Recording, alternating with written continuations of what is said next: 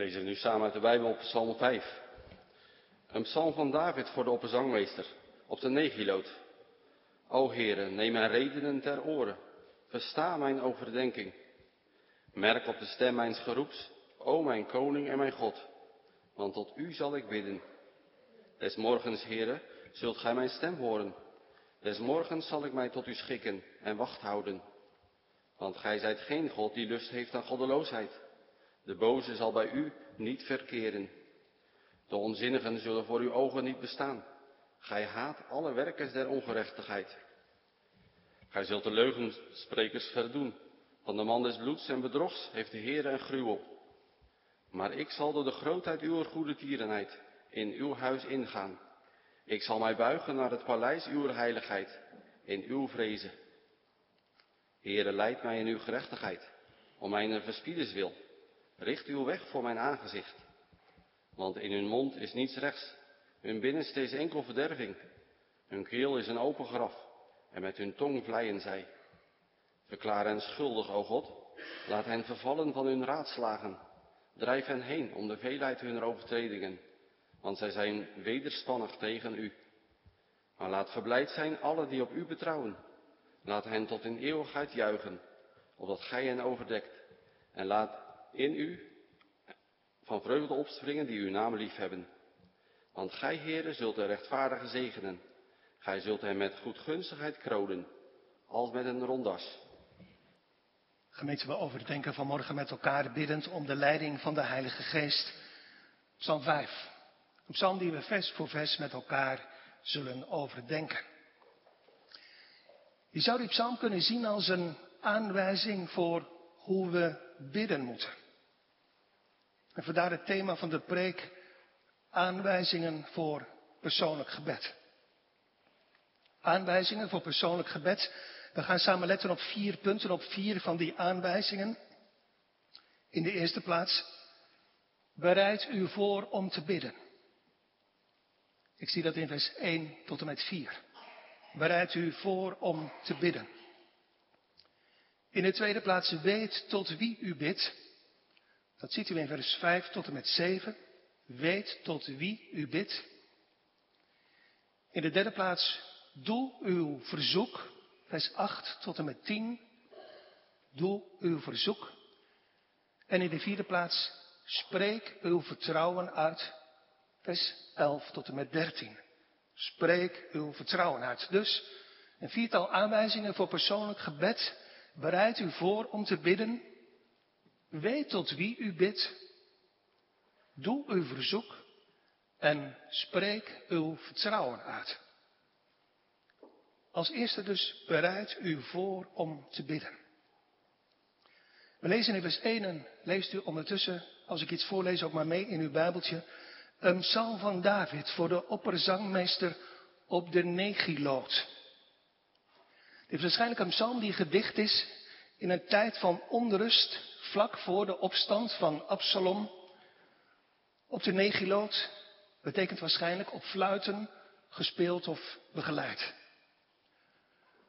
O Heere, vers 2. O Heere, neem mijn redenen ter oren Versta mijn overdenking. Heren met hoofdletters geschreven, getrouwe God van het verbond. In deze tijd gezegd, God van mijn doop, hoor toch en luister toch naar mijn redenen, naar mijn woorden. En geef aandacht aan mijn overdenking, aan wat ik denk in mijn hart, waar ik geen woorden aan kan geven. Met andere woorden, heren, luister toch alstublieft naar mijn zuchten. Naar, zoals het staat in de volgende psalm, naar de stem van mijn geween. Kom mijn zwakheid te hulp, zoals Paulus schrijft in Romeinen 8. En Heere, bid voor mij. Als ik, dat als eerste, redenen, als ik woorden bid. Maar ik weet niet te bidden zoals het behoort. Trouwens, woorden zijn ook maar het uiterlijk van het gebed. Als ik woorden bid en als ik mijn overdenken, mijn zuchten tot u richt. Heere, alstublieft, luister dan. En overweeg dan in uw goddelijke wijsheid wat goed voor mij is. En antwoord me, Heere, op uw tijd, naar uw goedheid en trouw. En, vers 3, merk op de stem van mijn geroep, o mijn koning en mijn God, want tot u zal ik bidden. Dus bidden is woorden spreken. Bidden is zuchten, overdenken in het hart en in de derde plaats roepen. En u voelt in dat woord de nood, de drang. Roepen, dat doe je als je, als je in gevaar bent. Als er nood is in je hart. Vanwege de omstandigheden zoals hier bij David. Of als er nood is in je hart vanwege je zonden, dan zeg je met de dichter van Psalm 141, ik roep, heren, in angst tot u gevlucht. Ai, haast u tot mijn hulp en red me. Ik roep tot u, mijn koning en mijn God.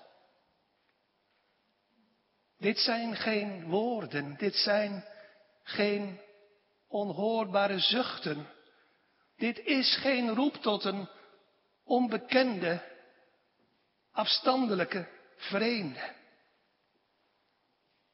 Dit is de kern van echt bidden. Tot u, mijn koning en mijn God, hef ik mijn ziel op. Mijn koning. U hebt als koning alle macht. U bent God der goden, Heere der heren, koning der koningen, mijn koning en mijn God. Zoals ooit klonk op Golgotha. Mijn God, uit de mond van de Heer Jezus Christus. Mijn God, waarom hebt u mij verlaten? Ik verliet God. U verliet Hem. En daarom bidt deze dichter, mijn koning en mijn God. Van u verwacht mijn ziel een heilrijk lot. Des morgens, vers 4. Leest u maar mee. Des morgens, heren, zult u mijn stem horen. Des morgens zal ik mij tot u schikken en wacht houden. In de vroegte van de morgen. Zoals Psalm 63 dat zingt bij het krieken van de dageraad. Zoek ik u, o mijn God. Want mijn ziel verlangt naar u. Dan zult u als ik smorgens mijn knieën buig en bid, dan zult u mijn stem horen. Wat is dit een troost voor iedereen, jong of oud, die zo leeft. Je begint de dag, en ik zeg dit allemaal als spiegel voor mezelf en voor u. Je begint de dag in de stilte van de ochtend met met woorden, redenen, met overdenking, met zuchten, met roepen tot God. En u, heren, hoort mijn stem, mijn smeking en mijn klagen. Jongens en meisjes, als je ochtends uit bed komt en voordat je naar school gaat je knieën stilletjes buigt op de plek die je daar een tijdje geleden voor gevonden hebt.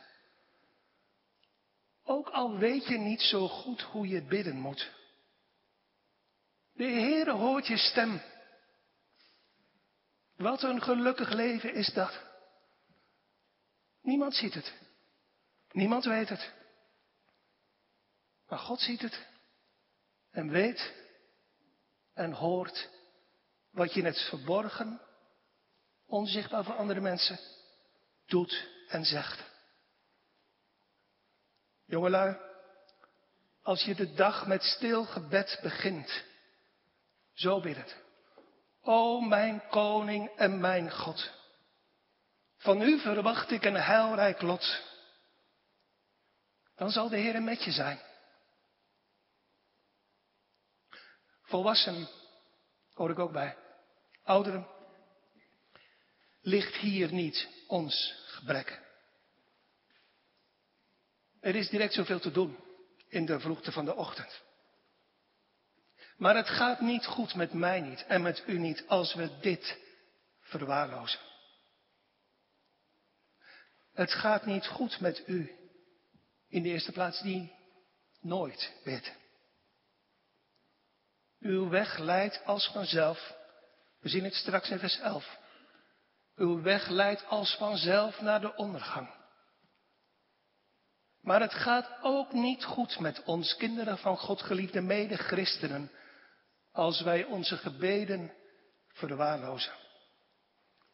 Vandaar deze ontdekkende spiegel van David voor mij en voor u om in te kijken als hij zegt, des morgens zal ik mij tot u, o God, schikken. Eigenlijk willen zeggen, mensen, zo doe ik het. Doet u het alstublieft ook zo. Ga niet zomaar bidden. Rijg niet zomaar even snel een stel woorden achter elkaar tot een mooi of minder mooi snel gebed. Maar schik u tot God. Zoals een priester, daar komt het woord vandaan, het hout op het altaar schikt, netjes neerlegt. Zoals de priester in het heilige de toonbroden netjes schikt, neerlegt op de tafel voor de toonbroden, schik zo uw gedachten. Breng er orde in. Met andere woorden, denk na. Denk eerst na voordat u bidden wilt.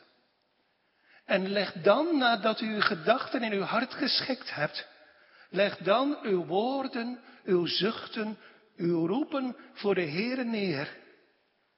Precies zoals de priesters dat deden. Voor God. Op het altaar.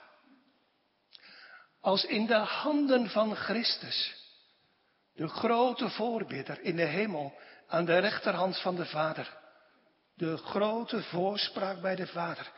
Met andere woorden, verwacht het nou s morgens vroeg al niet van jezelf. Maar denk al biddend in de stilte van de morgen aan een offer. En bid in hoop en verwachting om het offer hopend op het grote offer van de Heer Jezus Christus, het lam van God, aan het kruis op Golgotha. Ik zal mij tot u schikken, mijn gedachten ordenen en bidden en wacht houden. Met andere woorden, als ik zo bid en zo gebeden heb, dan zal ik wacht houden, dan zal ik wachten. Geduldig hoopvol, verwachtingsvol, zoals Psalm 130, de wachters wachten op de morgen. Ik zal hoopvol wachten op uw antwoord, want u, mijn koning en mijn God, hoort mijn stem. Geliefde gemeente, zoek God in verborgen gebed in de vroege morgens van uw dagen. Als voorbereiding op de dag die voor je ligt. Jongelui, zoek God in de morgen van je leven. Als voorbereiding voor de komende dag van de eeuwigheid. Als we iets nodig hebben, gemeente, en persoonlijk en als gemeente, is het dit. Het is, het is zo eenvoudig. Om te bidden. Om te bidden zonder woorden met zuchten, om te roepen. Maar het is tegelijkertijd zo moeilijk, want Hier ligt de reden. Ons hart kleeft, zoals de dichter zegt, aan het stof, aan de dingen van nu. En we willen eigenlijk diep in ons hart ook zo graag als het gaat om de dingen van de Heer, liever andere dingen doen dan stilletjes bidden. Liever dingen die groter zijn, die opvallender zijn, die mooier, die interessanter, die zichtbaarder zijn voor het oog van een ander. Dingen waar je zelf ook iets mee wordt. Terwijl, denken we, dit, stilletjes bidden terwijl niemand het ziet. Wie ziet dat nu?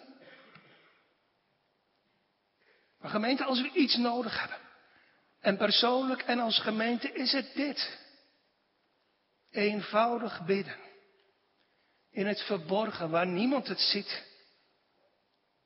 Dit bidden als morgengebed. O Heer, neem mijn redenen, mijn woorden ter oren. En versta, luister naar de overdenking in mijn hart. En merk op de stem van mijn geroep, o mijn koning en mijn God, want tot u zal ik bidden. Ook deze morgen. Iedere morgen. Here, zult u mijn stem horen? Is dat geen hoopgevende en moedgevende belofte? Heere, u zult mijn stem horen. Des morgens zal ik u tot mij schikken en wachten. Wacht houden. Wachten op uw antwoord, o mijn koning en mijn God. Ons tweede punt, de tweede aanwijzing voor persoonlijk gebed. Weet tot wie u bidt. Vers 5 tot en met 7. Lees u maar even mee in uw Bijbel als u wilt. Vers 5, want u bent geen God die lust heeft aan goddeloosheid.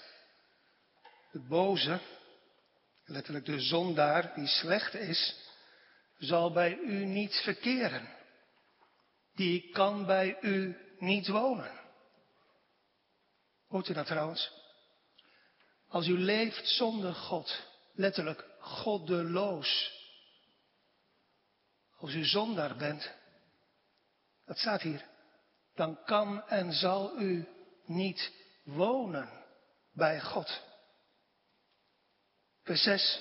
De onzinnigen, letterlijk de trotsen, de dwazen, zullen voor uw ogen niet bestaan, die kunnen niet voor u blijven staan. U haat alle werkers der ongerechtigheid. Als je leeft in de zonde, dat staat hier, dan haat God je.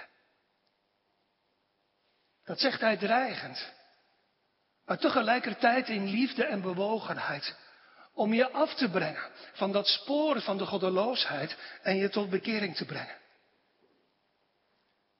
U zult, vers 7, de leugensprekers verdoen, letterlijk verwoesten.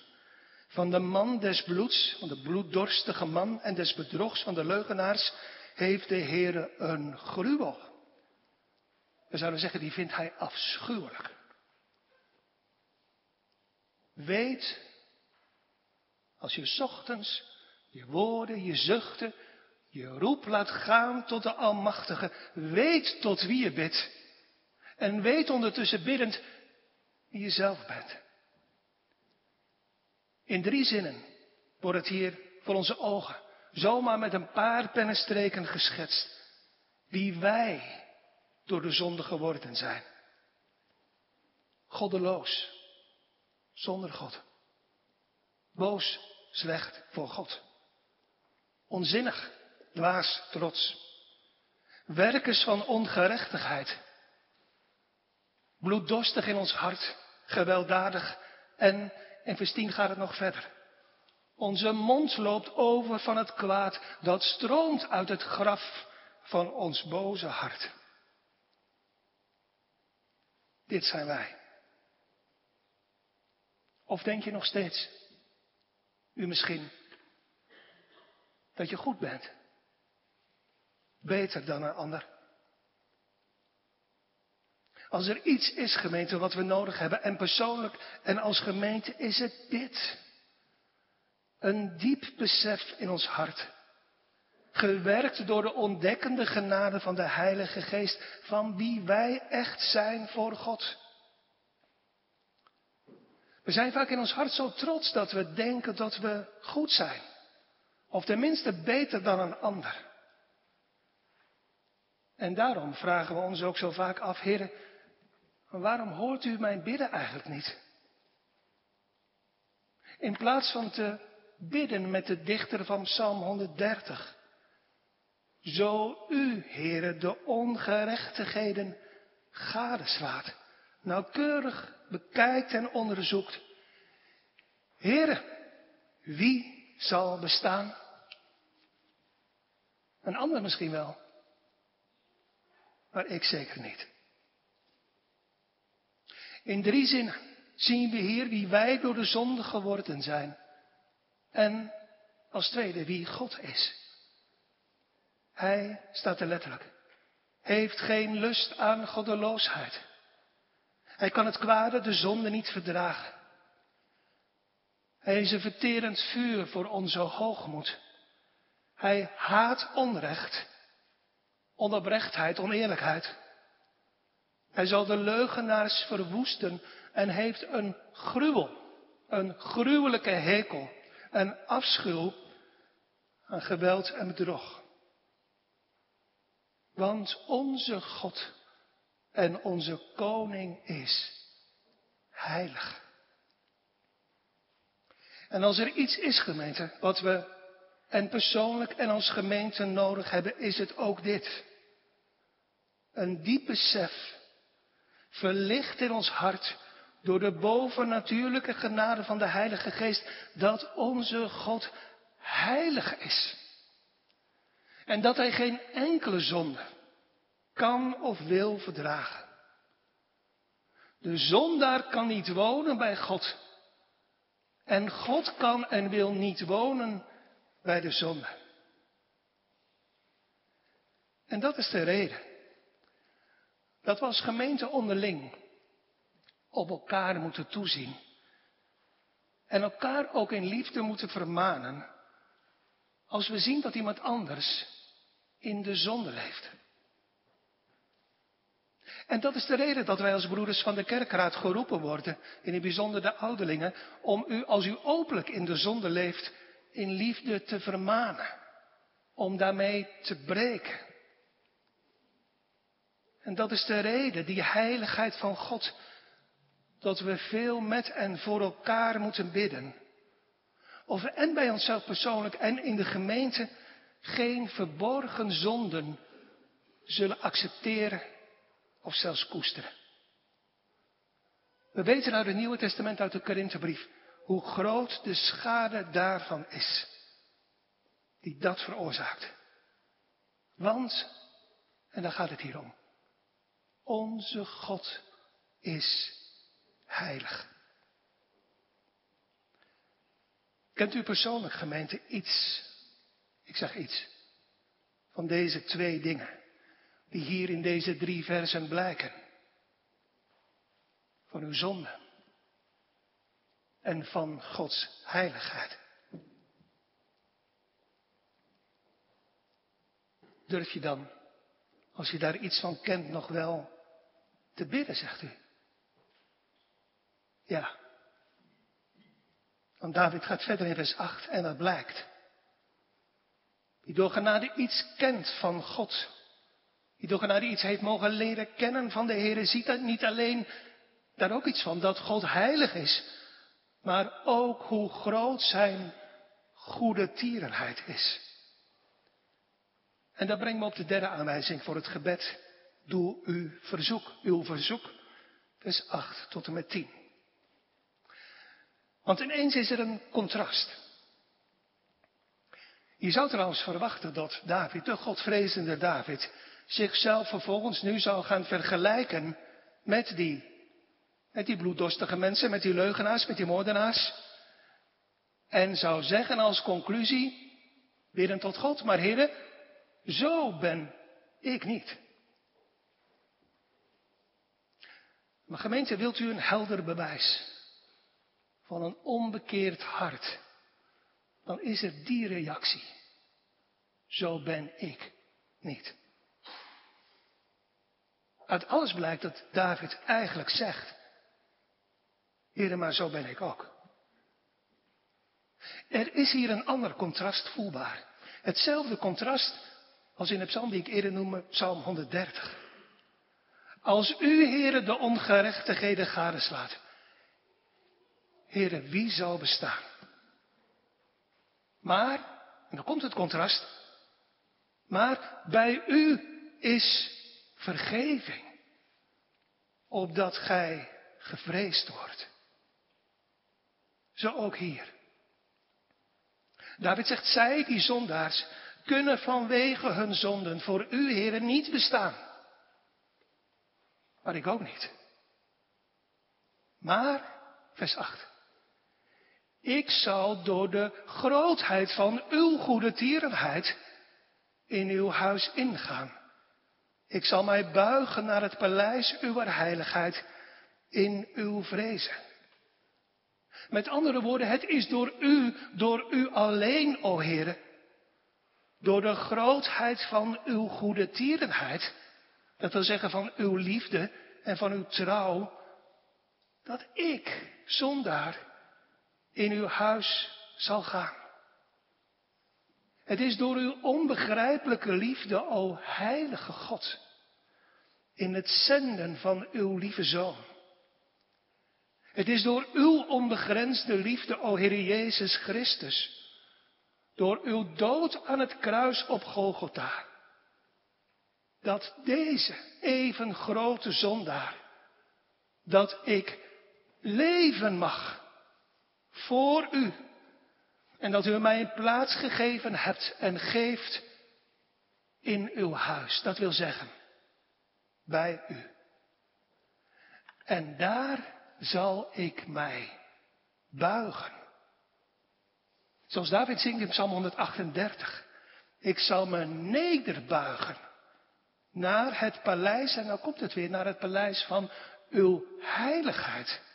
En ik zal uw naam loven en, en dan komt hetzelfde als hier, om uw goede tierenheid. Niet omdat ik zo goed ben, maar om uw liefde en trouw en om uw waarheid. Trouwens, die twee dingen horen echt bij elkaar. In het leven met God, ook nu in deze tijd. Genade en goede tierenheid enerzijds. En gebogen knieën en vrees. Eerbied en diepe hoogachting anderzijds. Vers 9. Heer, leid mij in uw gerechtigheid, om mijn verspieders wil, om mijn vijanden. Richt uw weg, dat wil zeggen, maak die recht voor mijn aangezicht. Want, vers 10, in hun mond is niets rechts. Hun binnenste is enkel verderving. Hun keel is een open graf. Met hun tong vleien zijn. Eindelijk is daar het echte verzoek in dit gebed. Beginnend met Heer. Met grote letters, met hoofdletters geschreven. Denkend aan de naam die de Heer zichzelf gegeven heeft. In Exodus 34. Waar de Heer zegt, mijn naam is Heere, Heere. Barmhartig en genadig. Langmoedig en groot van weldadigheid en waarheid. Heer, gericht op die trouwe God van het verbond, leid mij aan uw hand op de rechte weg. Want, want ik ken mezelf. Ik ben geneigd om van die rechte weg af te dwalen, om te dwalen als een verloren schaap.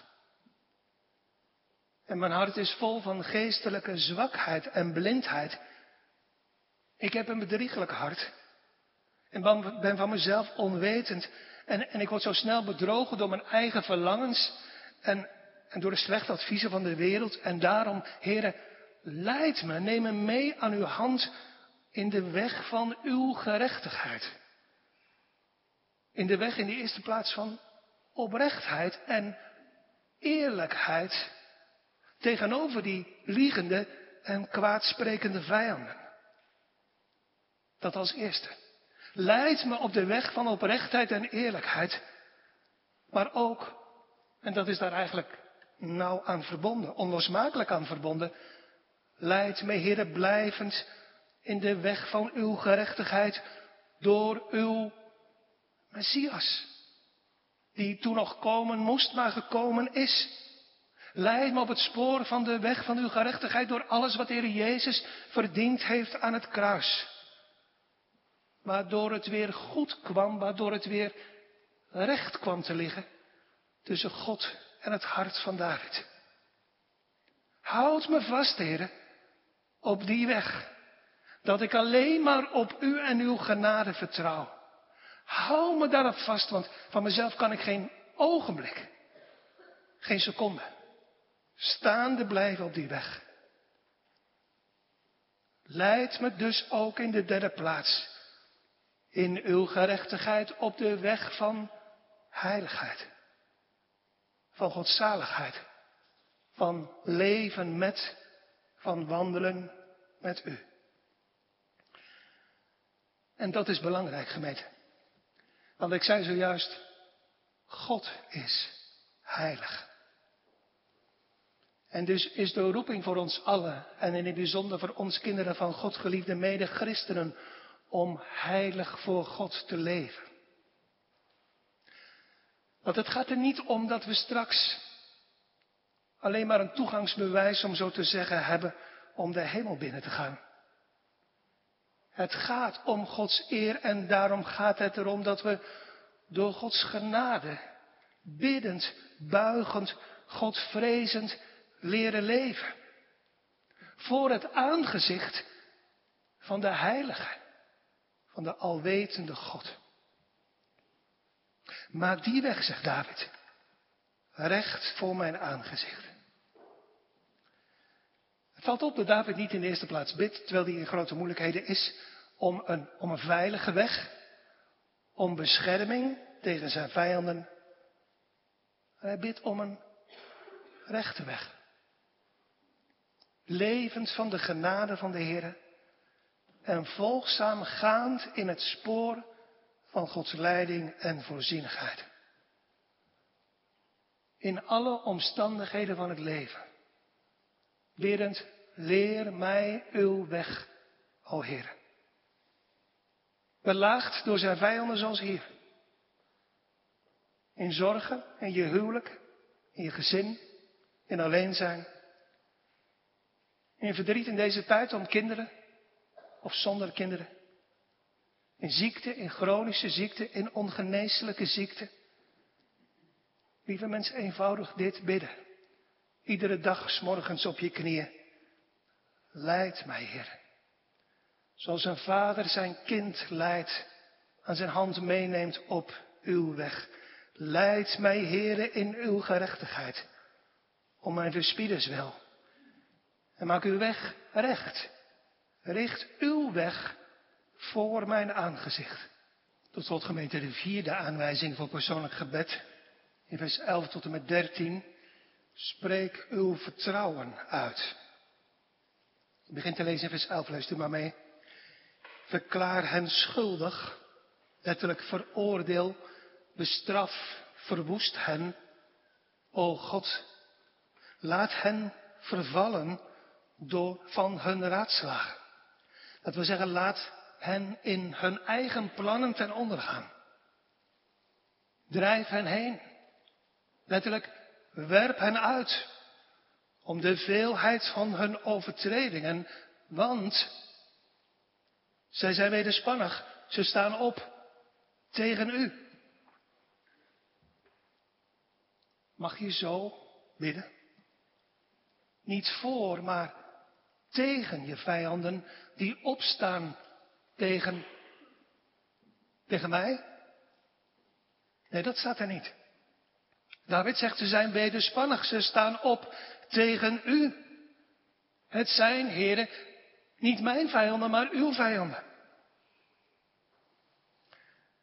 U zegt, ja, maar het voelt toch een beetje ongemakkelijk. Om te bidden om de ondergang van de vijanden van God. Ja, of heeft dat te maken, zo denk ik maar even hardop, of heeft dat te maken met ons gebrek aan gevoel bij Gods heiligheid en hoe de zonde daarmee botst? Want is dit vooral niet een roep om, jazeker, ook om bescherming en verlossing, maar vooral een roep om de eer van God? Want al die zonden van die vijanden van David zijn tegen God gericht. Hij zegt, ze zijn wederspannig, ze zijn in opstand tegen u. Je kan denken, ook in deze tijd, dat zonden, persoonlijke zonden, vervelend zijn, pijn kunnen zijn. Voor je man, voor je vrouw, voor je vader of moeder, of voor vrienden, collega's, gemeenteleden, of misschien ook wel voor jezelf. Maar gemeente, onze zonden, welke het ook zijn, zijn zonden tegen God. Opstand tegen de heilige God. En dat moet, ook in dit verband, zwaarder wegen dan ons schamele gevoel voor wat eerlijk of oneerlijk is. David bidt om Gods wraak. Of hij zijn heiligheid wil laten blijken. Tot grootmaking van de eer en glorie van zijn heilige naam. Hij bidt zeker niet om persoonlijk wraak te nemen. En trouwens, u hoort in dit gebed wel, ja zeker, een uitgesproken oordeel. Maar dat oordeel over die vijanden, over die goddeloze mensen, is nog niet uitgevoerd. En dus is in dit uitgesproken oordeel ook nu nog een oproep tot bekering. Vijanden van God, goddeloze mensen, breek met uw zonde. En daarbij nog één opmerking.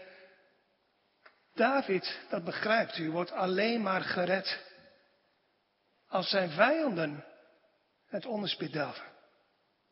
Zo is het nu helemaal. Zoals een dorp alleen maar veilig wordt als een seriemoordenaar of verkrachter wordt opgepakt en achter de tralies wordt gezet. Het een is nu eenmaal onlosmakelijk aan het ander verbonden. De redding van David en de ondergang van zijn vijanden. Maar, zegt David in vers 12, ik lees weer voor, maar laat verblijd zijn allen die op u betrouwen. Letterlijk staat er zoiets als die tot u de toevlucht genomen hebben, die bij u een schuilplaats gezocht hebben. Laat hen tot in eeuwigheid juichen, omdat u hen overdekt, omdat u hen bedekt. En laat in u van vreugde opspringen, die uw naam liefhebben. Het gevaar, dat voelt u, is nog steeds niet geweken. En dus is de grondtoon ook nog steeds een grondtoon van gebed. Maar tegelijkertijd klinken in deze roep naar boven tonen van lof door. Laat in u verblijd zijn die tot u vluchten. Laat ze juichen, omdat u hen bedekt met uw beschermende en vergevende genade. Als je leest in het Hebreeuws, dan is het meer dan een gewone mens. Laat, wens, laat het zo zijn dat het grenst aan een bevel. U, Heere, zult mijn hoop niet beschamen. Mijn koning en mijn God. Want u hoort mijn gebed. Die tot u vluchten zullen verblijd zijn. Ja, het is niet alleen een wens, maar het grenst aan een bevel. Verblijd u die tot God vluchten met mij. Die u bedekt met uw vergevende genade zullen juichen ja, juich met mij. Dit is de verwachting. De hoop, het vertrouwen waarmee u bidden, zuchten en roepen mag. Biddend, met vers 3. Merk in al mijn nood, Heere, op mijn geroep. Gelovend en vertrouwend. De Heere zal opmerken. Biddend met vers 2. Neem mijn woorden ter oren. Gelovend en vertrouwend. De Heere zal horen. Biddend met vers 2. Versta de overdenking van het zuchten uit mijn hart. Gelovend en vertrouwend. De Heere zal naar zijn goedheid en trouw, naar dat zuchten luisteren. Wat geeft dit hoop aan stille bidders?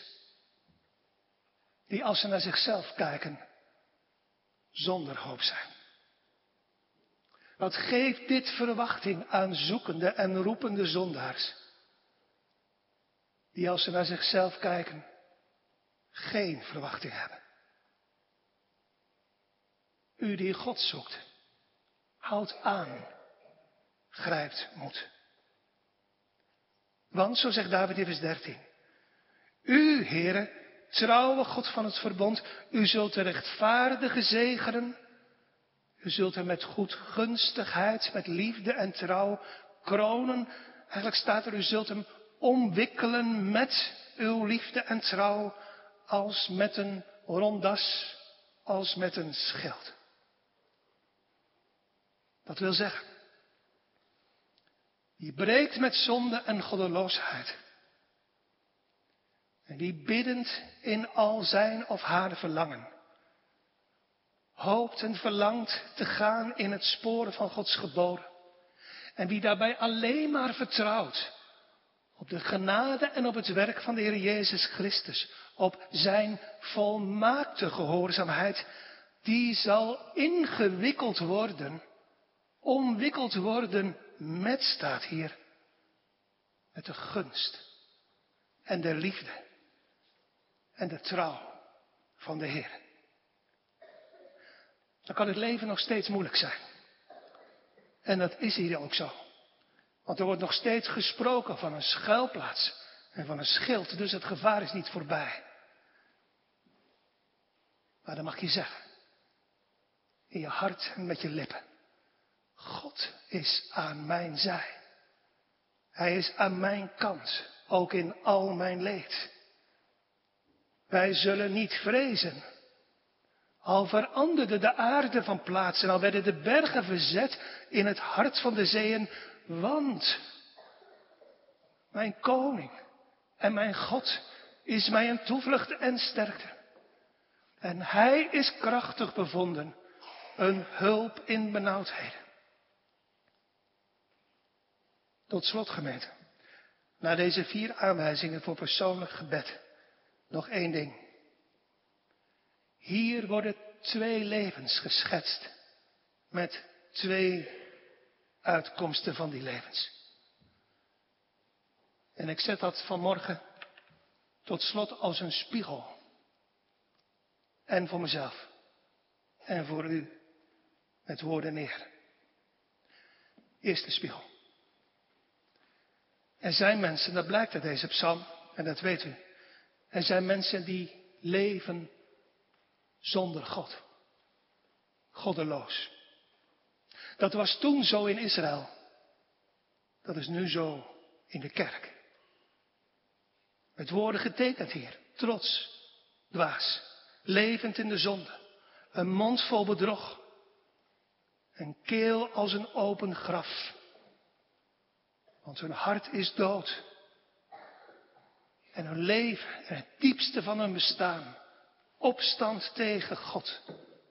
En dat blijkt zichtbaar uit hun leven.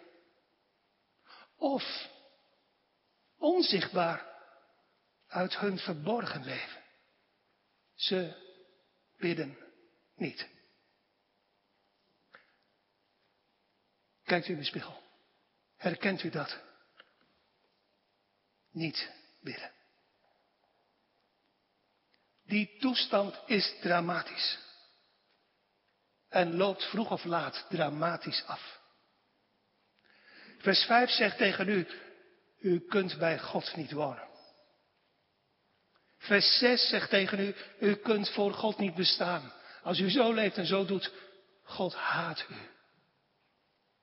En hij zegt dat in liefde en bewogenheid. Om u te laten schrikken voor de ernst van uw zonde. En voor Gods heiligheid. Want, zegt vers 7, als u zo doorgaat, zal God u verwoesten. Mag ik u vragen, waarom schrikt u daar niet zichtbaar van? Waarom, o goddeloze, in de kerk, blijft u daar zichtbaar onbewogen onder? U bent bezig onder te gaan. Maar u denkt, laat me toch even. Laat me nog even eten en drinken en vrolijk zijn, want morgen, ja, sterf ik. Ja, daarom, vanwege dat laatste, roep ik u dringend op tot bekering en berouw. De bijl ligt aan de wortel van de boom. Ga alstublieft zoeken. Ga bidden. Ga zuchten. Ga roepen. Om uw eeuwig behoud. Want uw tijd is kort. Tweede spiegel. Er zijn ook andere mensen. Er zijn trouwens maar twee soorten. En geen drie. Er zijn ook andere mensen die leven met God. In al hun gemis zoeken ze Hem. En ze richten in hun verborgen gebeden hun woorden, hun zuchten, hun roep omhoog tot God. Met wie ze diep in hun hart een innige band hebben. De een durft het vrijmoediger dan de ander te zeggen. Maar iets ervan leeft in het hart van hen allemaal. Mijn koning en mijn God. Het zijn, terwijl niemand of bijna niemand het weet of ziet, biddende mensen. En zij, al zijn ze misschien ongezien en tellen ze niet mee in de ogen van anderen, zij vormen het hart van de gemeente. Zij bidden. En de Heer hoort hun stem. En laat het soms tot hun troost ook merken en weten. Zij vragen om de weg die ze niet weten. En de Heer leidt hen in het spoor van zijn rechterweg. Ze voelen zich even slecht, zo niet slechter dan de goddelozen. En dus buigen ze diep. Het vrees. Het kinderlijke vrees en diepe eerbied voor God. Ondertussen vertrouwend. En hopend. Niet op iets van henzelf, maar op Gods goede tierenheid. Gemeente, zulke bidders, zulke zuchters, zulke roepers hebben reden, ook vanmorgen, om zich in de Here te verblijden. Want Hij zal zijn werk in uw hart voleinden. U zult, dat is Gods belofte in vers 12, verblijd zijn. U zult juichen. U zult op Gods tijd van vreugde opspringen. En de Heere zelf, vers 13, zal u zegenen en omwikkelen, inwikkelen in zijn liefde en altijd blijvende gunst. Zo leiden en beschermen ons de Heer. En zo versieren Hij ons met een biddend leven in de vrees van Zijn heilige naam. Amen.